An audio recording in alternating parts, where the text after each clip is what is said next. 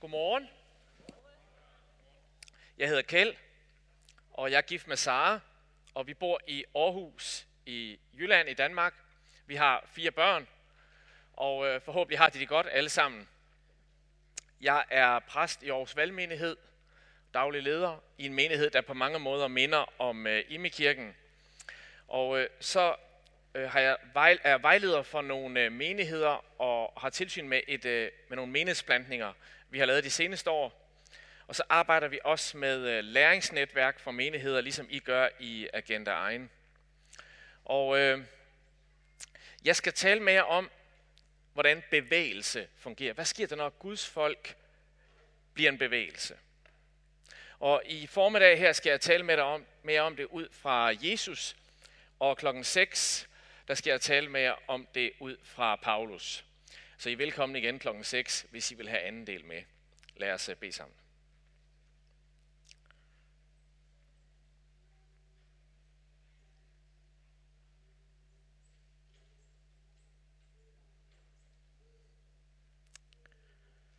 Amen.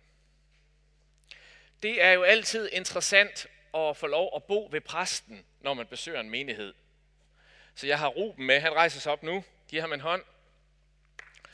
Min, øh, min PA, og vi har boet hos Egil og Hildegund, Og øh, så ved man jo, hvad der virkelig foregår hjemme med præsten. Så hvis jeg noget, I gerne vil vide, kan I bare komme og spørge mig her bagefter.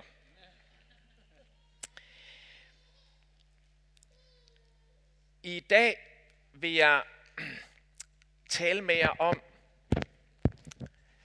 en grundlæggende sandhed, en grundlæggende virkelighed. It's either this one or the devil.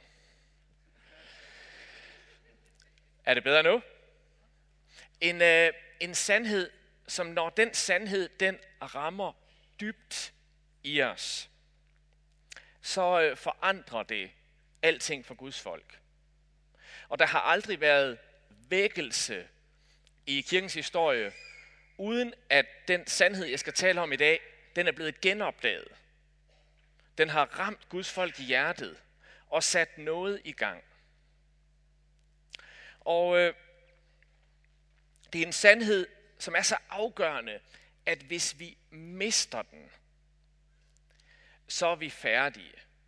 Vi kan godt møde op søndag efter søndag i IMI, men det gør ikke rigtig nogen forskel, ud over den her virkelighed, som jeg skal snakke med om i dag.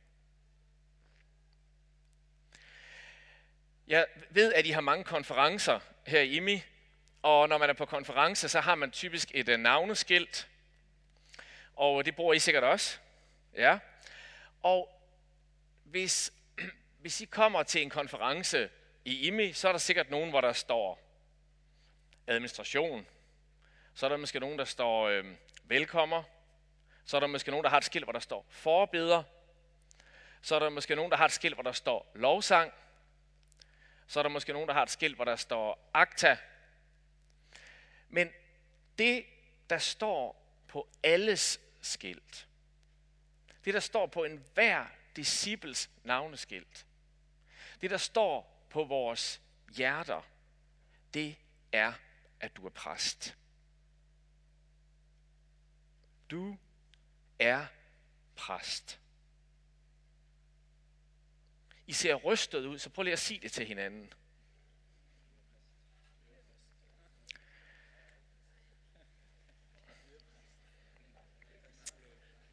Når I går ud af den her sal i dag, så håber jeg, så er det min bøn, at I går ud med en dyb, dyb bevidsthed om, at I er præster. Og enten er vi det alle sammen, eller så er vi det ikke. Hvad er en præst? Prøv at sige til sidemanden, hvad er en præst? Hvad gør en præst?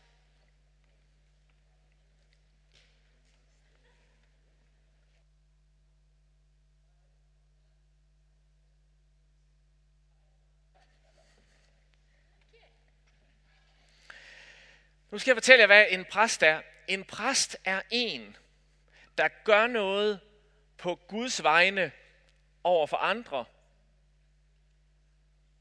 og på andres vegne over for Gud.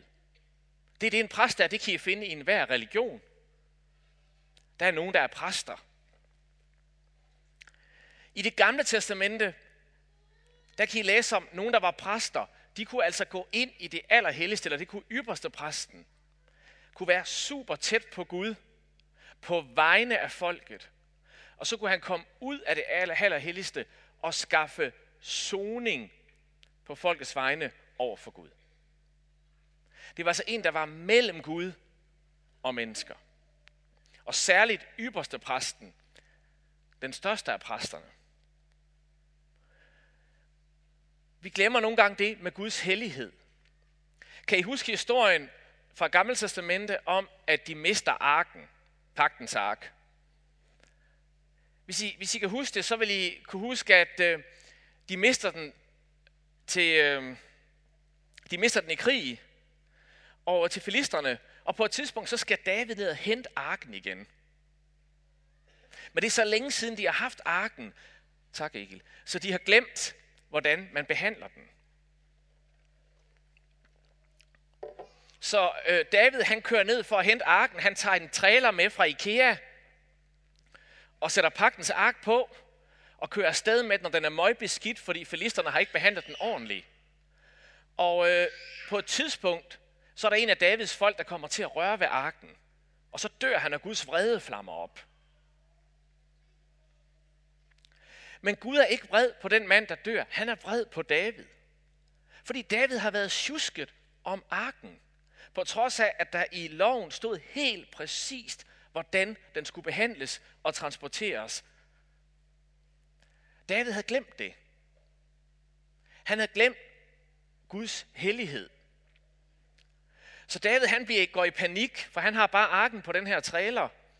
Så han kører, han kører hen til en mand, og så siger han, jeg har den her ark, men den er ret farlig at køre rundt med. Kan den ikke lige stå i dit køkken nogle uger? Prøv at forestille jer det. Jeres børn løber rundt. I må ikke røre ved den her. Det er farligt, venner. Se, det er endnu en af de mange, mange historier i Gamle om kraften i Guds hellighed. Og derfor var det nødvendigt med præster. Og ypperste præsten, inden han skulle gå ind i det allerhelligste, så stod han på en platform som den her. Og så gik han i bad foran folket. Altså der var et forhæng for. Men det var for at være sikker på, at han var helt, helt ren, når han kom ind i Guds nærvær. For kun en præst, som Gud havde sagt, kunne være i nærværet, kunne være i nærværet.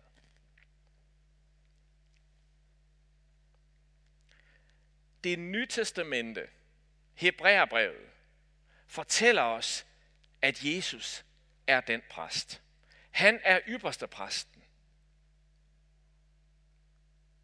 Han er både præsten, han er både den, der kunne være fuldt ud i Guds nærvær, helt uden nogen modstand, for der var ikke synd i ham. Og han var også offerlammet, der blev offret på alderet. Han var både offeret, og han var ypperste præsten. Han er den eneste mellemmand mellem Gud og mennesker.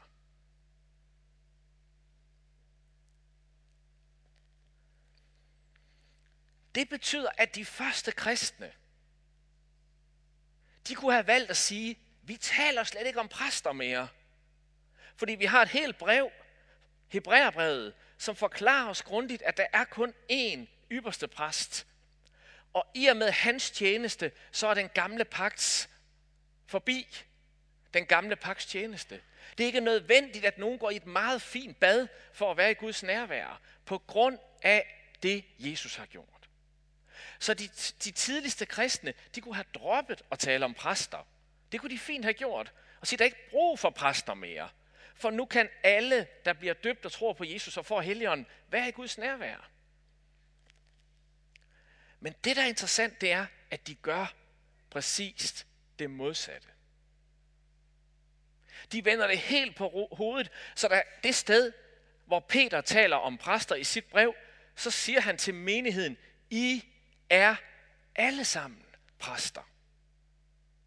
Det er det nye. I kan alle sammen vade ind i Guds nærvær, uden at gå i bad først. For den, Jesus har erklæret ren, er ren. Peter går endda så langt, som han siger, I er et kongeligt præsteskab. I er ud af en royal familie. I er så både kongelige og I er præster. Det er Peters måde at sige, at Gud er vores far, og vi er hans børn, og da han er verdens konge, så er vi kongebørn. Er I med? Så det nye testamentets forfatter, de første kristne, vores forfædre og formøder, de kunne have valgt slet ikke at tale om præster, men de vender det rundt og siger, nej, fordi Jesus er den sidste ypperste præst, og den første i den nye pagt, så bliver alle, der følger efter ham, præster. Det er den samme ånd, som var i ham, som er i os. Enig? Det er den samme kraft, Efeserbrevet, som var over ham, da han blev oprejst af graven, som virker i os. I med? Det er den samme tjeneste, som Jesus havde, som vi repræsenterer. Det er den samme helligånd, der bor i ham som i os. Vi er præster med ham.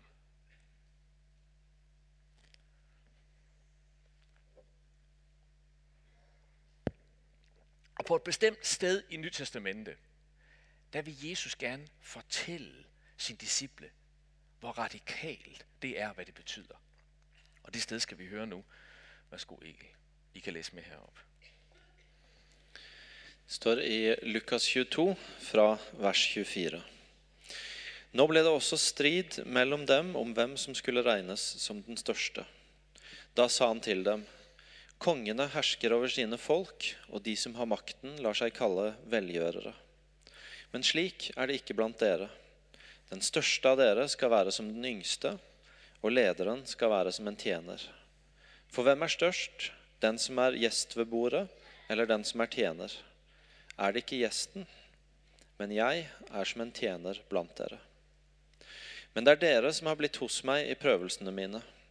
Og nå overdrar jeg riket til dere, slik som min far har overdratt det til meg.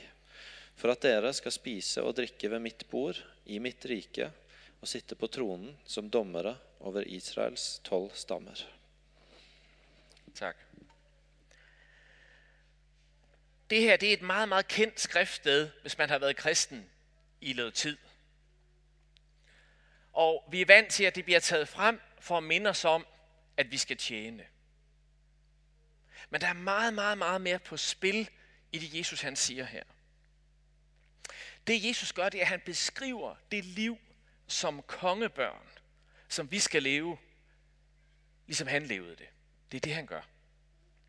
Og Jesus han siger til disciplene, der var omkring ham, at der er to forskellige kulturer. Der er den kultur, siger han til dem, som I kender så godt for det samfund, I er en del af, fra Romeriet. Det er en kultur, hvor der er nogle få, der har ressourcerne. Og så er der mange, mange, der er afhængige af dem. Og de få, der har ressourcerne, de kalder sig velgørere. Velgørenhed. De siger, vi, er, vi har nogle ressourcer, andre ikke har, og dem giver vi til andre. Og det lyder umiddelbart rigtigt, men Jesus siger, det er det ikke, fordi det var udtryk for en kultur i hele Romeriet, at nogen var det, man kaldte patronerne. Det var dem, der havde magt og indflydelse, og var de velhavende familier, og resten var klienter. Det var det, man kaldte det. Så hvis du vil overleve i Romeriet, der var ikke noget kommunekontor, hvor man kunne gå hen, og der var ingen oliepenge, så var du nødt til at kende en patron, som havde ressourcerne. Og så kan du blive klient for ham og gøre ham tjenester, og så tog han sig af dig og din familie. Den kultur, siger Jesus, ønsker han ikke skal være disciplenes kultur. Nej, siger han. Det, I kender den kultur, siger han til disciplene. I kender den udmærket. Men jeg vil have en anden kultur iblandt jer. Det Jesus han taler om, det er to forskellige måder at være kongebørn på. Først beskriver han de patronfamilier, de indflydelsesrige familier, Herodes-slægten i Israel, som også var korrumperet. Og siger, I kender den slags ledere, despoter, diktatorer, som har resten som undersåtter og klienter, der er afhængige af dem. Sådan skal det ikke være blandt jer.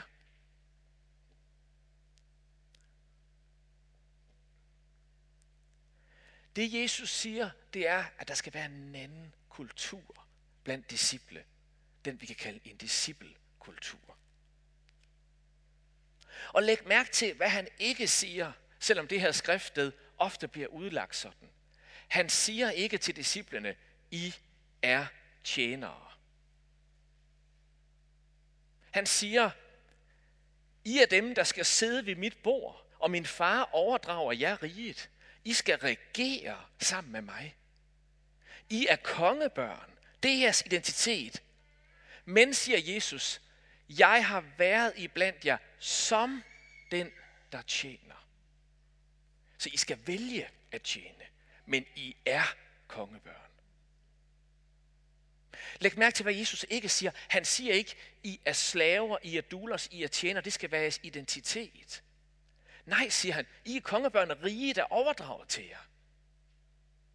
Men I skal vælge at tjene. Og det her det er vigtigt at sige til en kultur, som har rod i pietismen. Vi er ikke tjenere, vi er børn af kongen, vi er kongebørn. Men vi skal vælge at tjene. Ligesom Jesus valgte at give afkald og tage en tjenerskikkelse på og blive menneskerlig. Godt, Irene. Amen.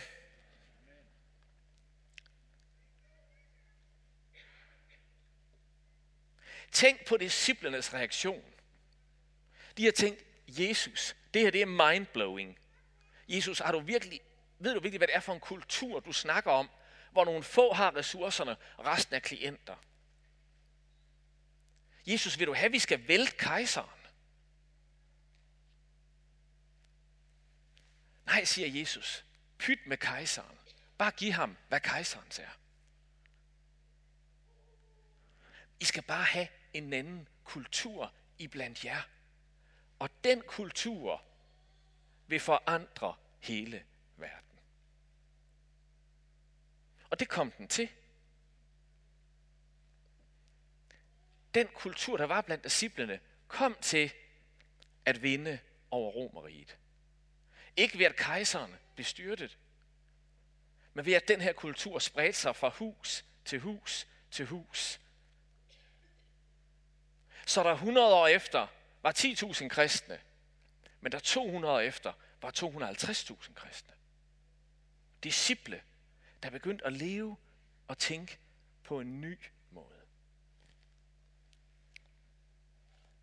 Vi glemmer tit, især os i overflods Skandinavien, med de frihedsrettigheder, vi har, at den måde, Jesus taler til disciplene på, repræsenterer en radikal lighedstanke. Vi glemmer, hvor radikalt det er, når Paulus han siger, der kommer det ikke an på at være mand eller kvinde, træl eller fri. Alle er et i Kristus. Fordi vi lever i en kultur, hvor frihedsrettighederne er stærke. Jesus sagde, det er en kultur, hvor det vi forbinder med helt almindelige rettigheder, ytringsfrihed, trosfrihed, det var en by i Rusland. Indtil sådan en kultur siger han, I skal begynde at leve og tænke på en anden måde. Der er ingen klienter i mit rige. Man kan ikke være tilskuer i mit rige. Man er præst om man repræsenterer mig som kongebarn. Læg mærke til, har nogen af jer set filmen Lincoln om Abraham Lincoln? Hvad citerede han, da han kæmpede for de sortes rettigheder, for slavernes rettigheder og frihed i USA? Han citerede ikke de græske filosofer. Han citerede Bibelen. Det var den kilde, han gik tilbage til.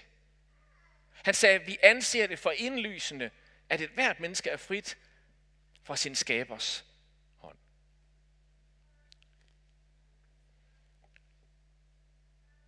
Se, læg mærke til igen, hvad jeg ikke siger – jeg siger ikke, at vi alle sammen er kaldet til at være menighedsledere. Bare rolig. Jeg siger ikke, at de alle sammen er kaldet til at forkynde fra den her platform. Også i den allerførste kirke var der nogen, der var kaldet til at lede, og nogen, der var kaldet til at forkynde. Men de blev ikke kaldt præster. De var bare ledere og forkyndere. Alle var præster. Men efterhånden som disciplekulturen bredte sig i Romeriet, så blev det populært at blive en kristen.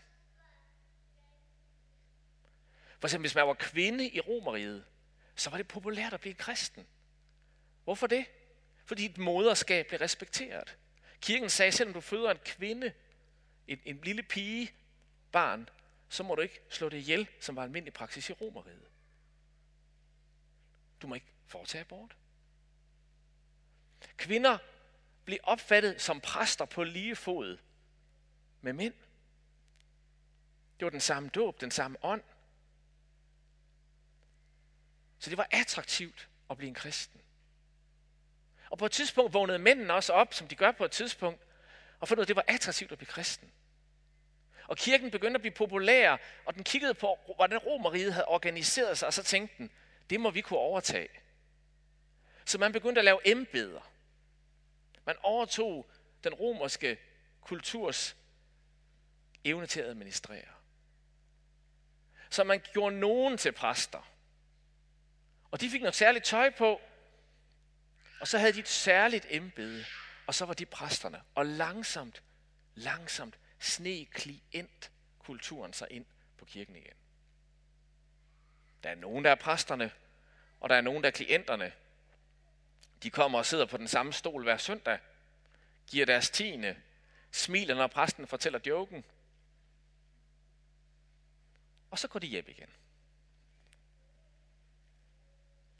I virkeligheden, så glemte man jo, hvem man var. Man glemte det, Jesus havde sagt. I er kongebørn. Og min far har overdraget jer riget, ligesom han overdrog det til mig. I skal vælge at tjene, men I skal ikke gøre nogen til klienter. Der er ingen klienter i mit rige. Der er kun disciple.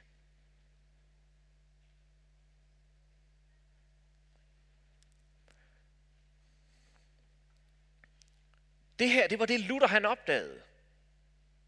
Jeg ved ikke, hvordan det er i den norske kirke, men den danske folkekirke, som jeg er en del af, i vores bekendelseskrifter, der har vi den lille katekismus med.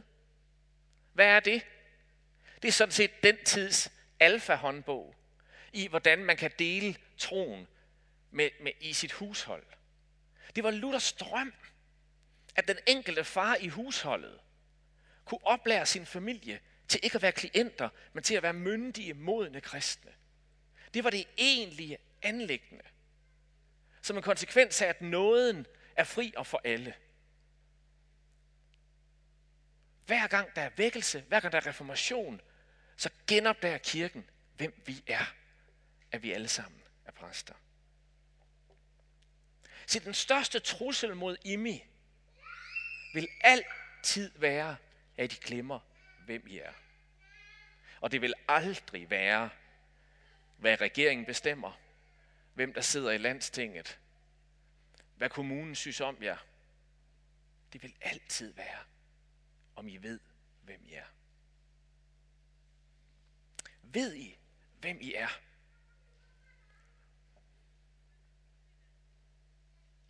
Ved I, at I er kongebørn? At Gud er jeres far, og han er verdens konge. Og derfor er I børn af ham, og dermed kongebørn.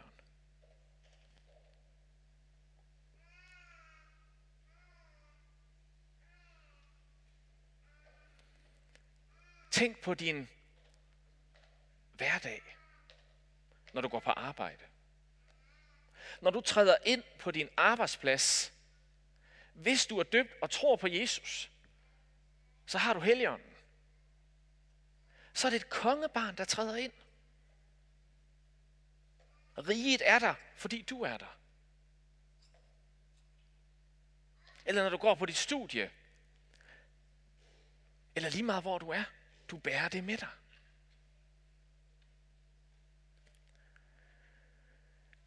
Det her det har betydning for langt mere end det, der sker i de her lokaler. Det har betydning for alle steder, hvor du er. Du er kongebarn.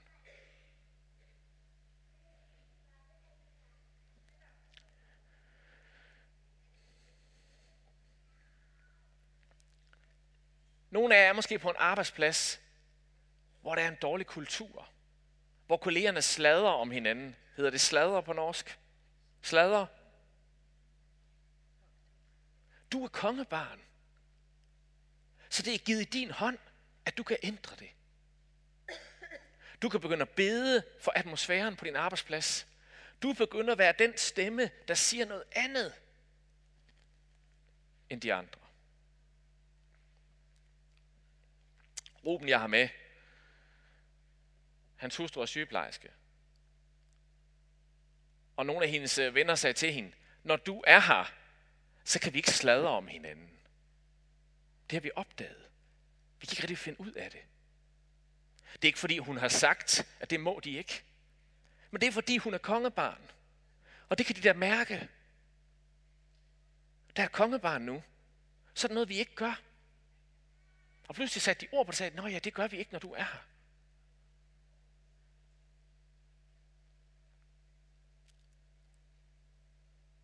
Ved I, hvem I er?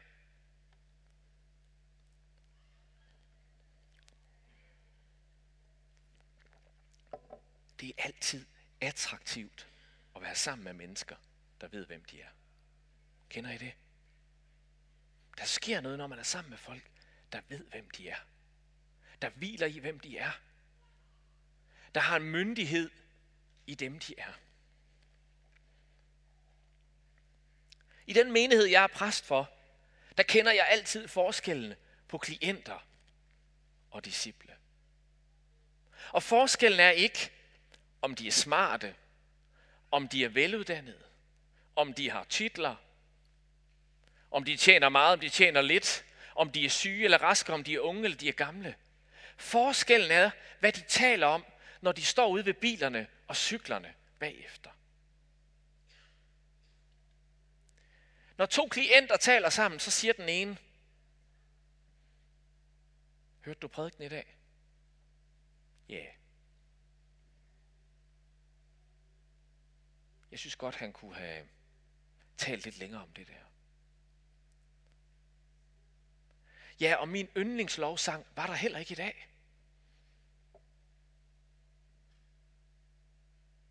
Og, og Egil, han har en knap i skjorten, der ikke er knappet. Sådan taler klienter til hinanden.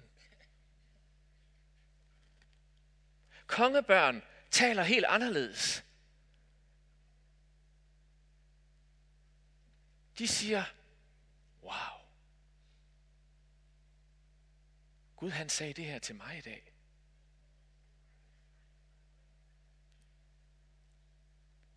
Vil du bede for mig, for at få gjort noget ved det? Husk, Jesus siger, at en disciple er en, der hører Guds ord og handler på det. Sådan taler et kongebarn. Eller, jeg havde bare en fest med min far i dag. I lovsang. Jeg er jo hans barn.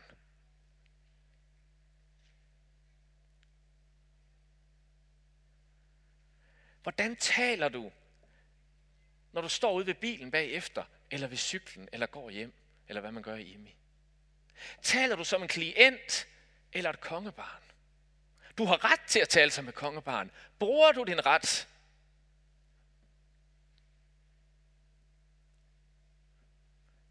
Eller snakker du klientsprog? Snakker du som en undersåt, der har været hen ved feudalherren og tigger om at få en lille smule mere.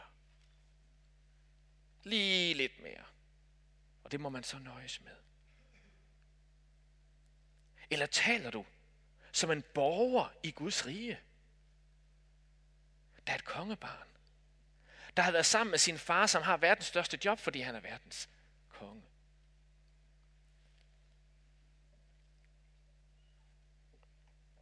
Og når du kommer hjem, hvis du er kongebarn, og du ved, du er det, så vil du vide, at din far, der er kongen, har givet dig noget land, som er dit. Det er dit land. Der skal du bringe riget. Der skal du så, vande og høste.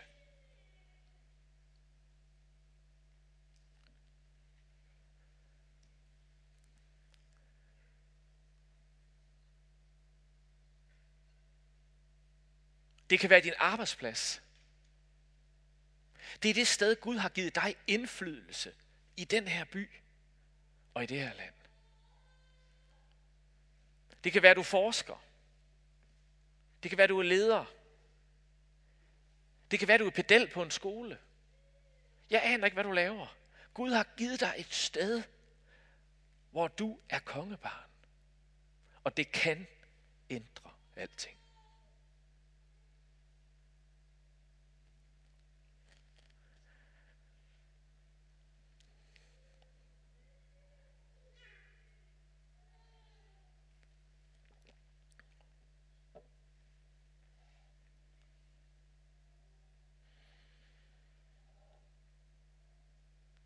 Det sidste år,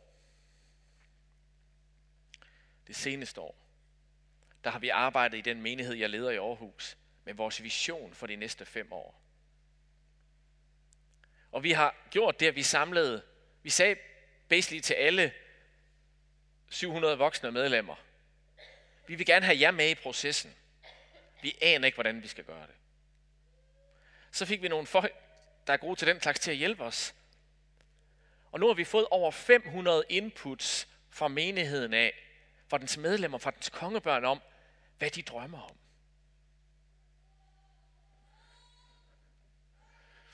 Og en af vores folk har lavet en kæmpe, kæmpe, kæmpe stor plakat, der er trygt, hvor man kan se masser af de der inputs. Og når jeg ser den, så kan jeg mærke, hvorfor at jeg er leder i den menighed. For jeg kan se, at det er mennesker, der på en lap har skrevet det, de drømmer om. Det er kongebørn, der sætter ord på, hvad de drømmer om. Hvad de tror, de er kaldet til, og vi som menighed er kaldet til.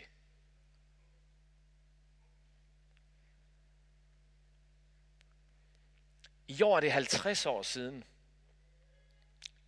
at Martin Luther King holdt sin berømte tale på Lincoln Memorial, I have a dream. Og det er den mest indflydelsesrige tale i det 20. århundrede.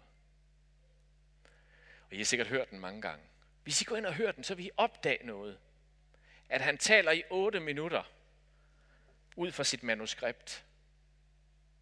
Men da der var gået de der over 10 minutter, så rejste Mahalia Jackson sig op hun er en meget, meget kendt gospelsanger. Hun er den mest solgte lovsangsleder overhovedet i historien.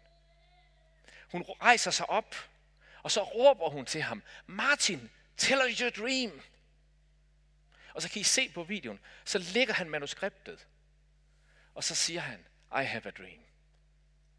Og så kommer der en helt anden tale ud af hans mund. Og så siger han, I have a dream that one day my, my children will be judged not by the color of the skin, but by the ability of the character. Det er 50 år siden nu. Fem år senere, så holdt han endnu en tale. I have seen the promised land. Og i den tale, og det var kort før han blev skudt, siger han, jeg er klar til at dø, for I have seen the promised land. Jeg havde set, at drømmen har spredt sig til så mange sorte og hvide i USA, at nu vil friheden komme. I have seen the promised land. Lad os rejse os og bede sammen.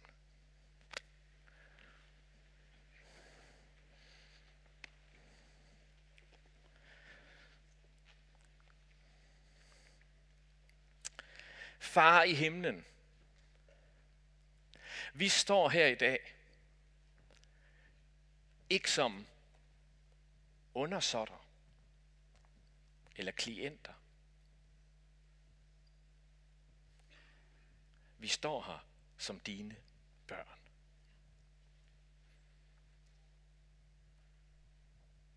Og vi er kongebørn, så du er herre og konge i vores liv.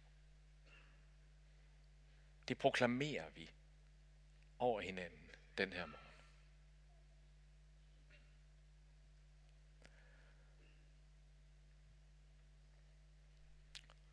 Og du har givet alle os, der er her, noget land, som er blevet vores. Et sted, vi har indflydelse i hverdagen. Og netop der sender du os som kongebørn.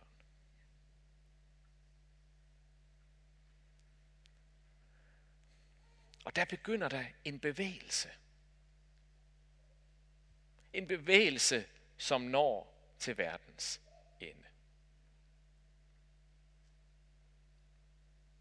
Men det begynder, når vi ved, hvem vi er.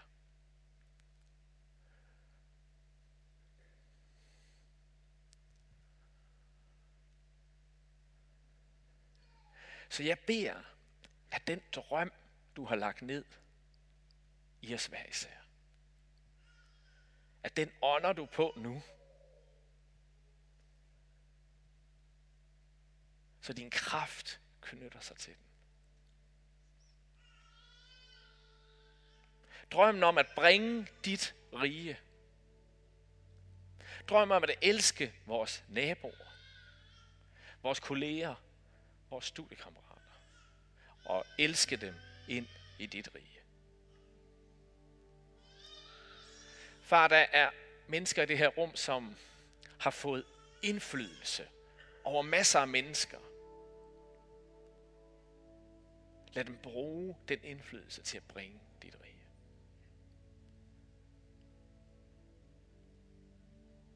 Og der er nogen af os her, som har en meget konkret område, der er vores.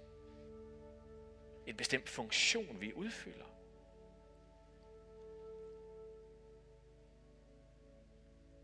Lad os bringe dit rige. Jeg beder for de, der står her nu, som tænker på en konkret arbejdsplads, hvor de har hjerte for, at der kommer en anden ånd, atmosfære. Og bare ræk hånden op, ja, der har det på den måde. Ja, bare ræk hånden helt op, ja. Yes. Far, jeg beder for dem, der står med hånden op nu. Kom med din kraft over dem nu. Så hvad end de har i tanke nu, og du kender deres situation, så når de møder på arbejde næste gang, så er de sendt med en bevidsthed om, at de er kongebørn. Og et valg om at tjene og elske mennesker. Jeg beder for, for, for de af os, jeg kan tage hænderne ned, jeg beder for de af os, far, som ved, at vi er på vej til at blive sendt ud. Vi mærker kaldet til at danne nye fællesskaber. Nå nye områder i den her by eller i andre byer i menighedsplantning. At det er det, der er vores drøm. Og bræk hånden op sammen med mig nu, hvis det er en del af din drøm. Ja, yes. Vær formodig her.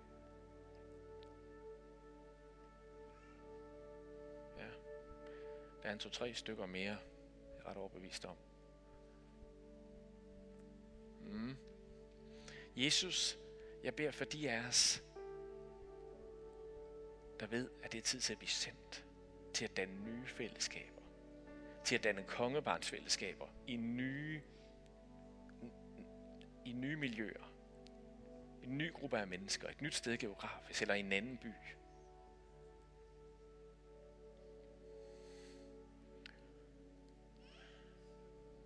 Minder os om, at vi er kongebørn.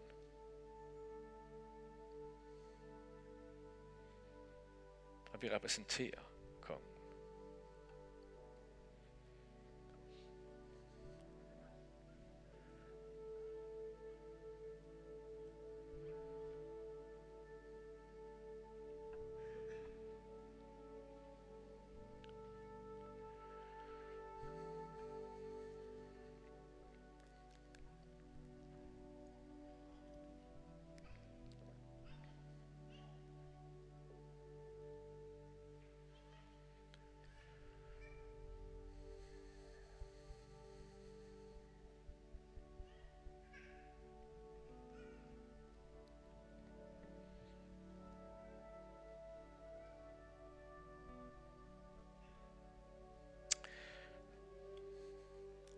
far, det er, det er min bøn den her morgen.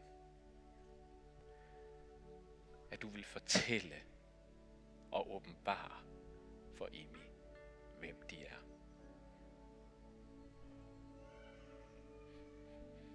Og det er min bøn, at der fødes der en bevægelse,